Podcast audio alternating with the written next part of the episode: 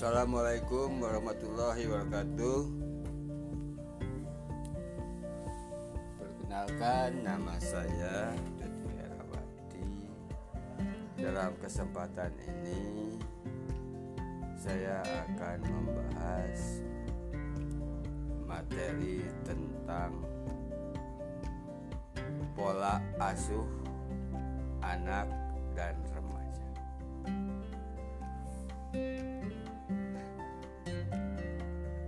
Bapak, ibu-ibu sekalian, kita pernah mendengar sebuah hadis Rasulullah yang berbunyi Kulu mauludin alal fitrah Artinya setiap manusia itu dilahirkan dalam keadaan suci. Selanjutnya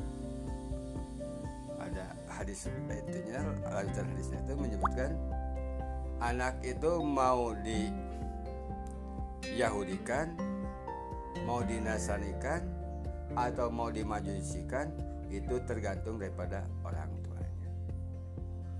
Artinya bahwasanya di sini kita lah yang akan menentukan masa depan anaknya. Jadi kita sebagai orang tua yang akan menentukan masa depan anaknya. Kemudian apa yang terjadi?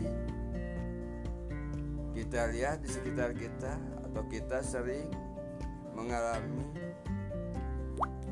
anak saya itu nakal sekali. Anak saya itu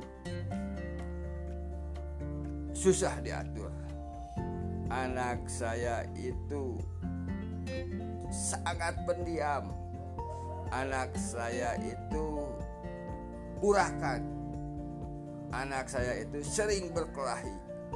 Anak kita itu sering keluar malam entah ke mana. Nah, kenapa sampai terjadi demikian? Itu karena kita telah memberikan toksit. Toksit telah memberikan racun. Dalam istilah kerennya toksit parent toksit parent itu adalah racun pola racun daripada orang tua yang mengajarkan atau membimbing anaknya justru ke dalam hal-hal yang tidak baik Mengapa itu terjadi tidak baik?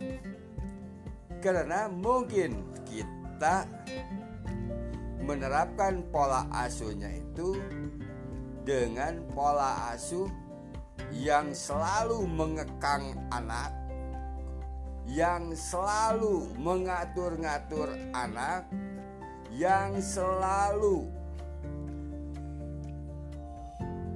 me nyuruh anak harus melakukan aturan-aturan yang sudah ditetapkan. Nah, itu yang itu namanya dinamakan pola asuhnya pola asuh otoriter. Atau mungkin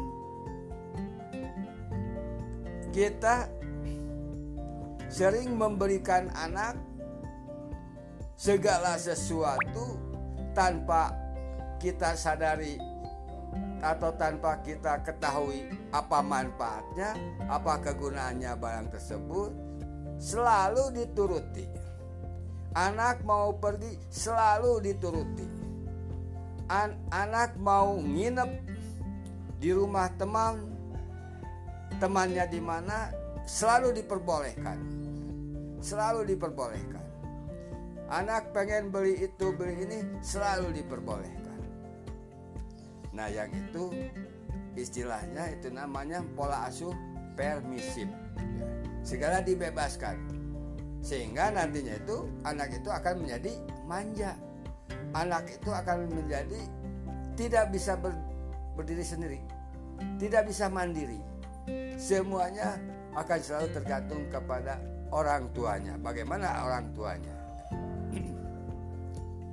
Selanjutnya yang bagus adalah ada yang mengekang, ada yang membebaskan. Ada yang mengekang, ada yang membebaskan. Jadi itu dinamakan pola asuh demokrasi.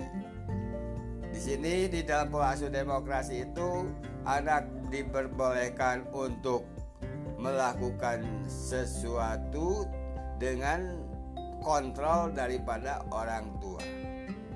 Anak berkonsultasi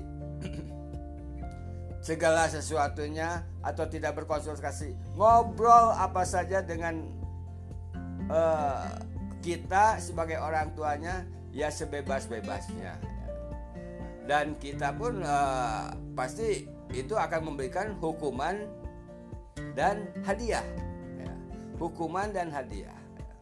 Hukuman apabila anak melanggar atau melakukan sesuatu yang uh, dianggap buruk, dianggap tidak baik, dan kita melakukan hadiah. Berilah hadiah. De, apabila anak melakukan sesuatu yang baik. Apa hadiahnya? Hadiahnya tidak perlu dengan materi, barang, ucapkan dengan mengucapkan pujian, wah kamu hebat, kamu pintar, kamu memang cantik, kamu memang ganteng.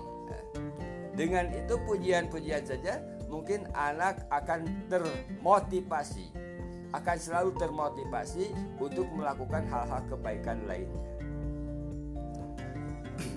Nah, ingat bahwa daripada perilaku anak itu ya kita katakan anak ya sekitar lima tahun atau empat tahun ke sana ya empat tahun ke sana ya, empat tahun sampai sepuluh tahun ya atau empat tahun sampai sampai dua belas tahun empat tahun sampai dua belas tahun kita namakan anak. Nah anak itu di situ usia itu adalah usia di mana dia ingin selalu mencari mencari dan selalu ingin mengetahui kondisi-kondisi yang ada di luar. Ingin mengetahui lingkungan-lingkungan yang di luar. Dia akan belajar daripada lingkungan-lingkungan yang di luar. Nah, apabila lingkungannya itu buruk, banyak uh, orang tua yang uh, kepada anak-anak atau teman-teman anak kita itu selalu menggunakan toxic parent pasti uh, anak kita itu akan sedikit terpengaruh. Tapi tetap pengaruh tersebut hanya sedikit. Yang menentukan kita itu adalah orang tua kita. Kita yang nah itu. Dan atau yang remaja yang mulai usia 12 sampai uh, eh, 18 tahun ini di mana kondisi anaknya itu adalah labil, sering labil, sering sulit menentukan keputusan mana yang benar itu mana. Ya. Yang yang ini, yang keduanya itu, ciri yang keduanya itu ingin mencoba-coba, nah, ingin mencoba-coba ini. Ini artinya kalau dia melakukan sesuatu dibiarkan oleh orang tua dia akan menganggap bahwa ah ini juga nggak dimarahin oleh orang tua, nggak dilarang oleh orang tua. Nah itu mencoba-coba itu. Ini sekali lagi mencoba-coba ini. Misalkan malam minggu dia keluyuran sampai larut marah malam ya, dan lain sebagainya. Itu dibiarkan saja. Itu juga itu itu adalah bagi dirinya itu akan adalah merupakan sebuah uh, peraturan yang diperbolehkan dan lain sebagainya dan lain sebagainya. Demikian saja eh, apa yang bisa saya sampaikan dalam materi ini. Mudah-mudahan ada guna dan manfaatnya. Sekali lagi demikian eh, begitulah kira-kiranya bahwa ternyata kelakuan anak itu adalah bagaimana kita memperlakukan anak dan remaja di dalam pola asuhnya. Pola ya, ingat pola. Pola. Pola itu seperti pola pola bikin baju ya. Itu sudah demikian, itu kalau itu dibuat pasti akan terjadi demikian. Jika kita membuat polanya ingin anak yang baik, ingin anak yang soleh, maka kita harus membuat polanya pola anak yang soleh. Artinya bagaimana? Itu harus diteladani oleh orang tuanya.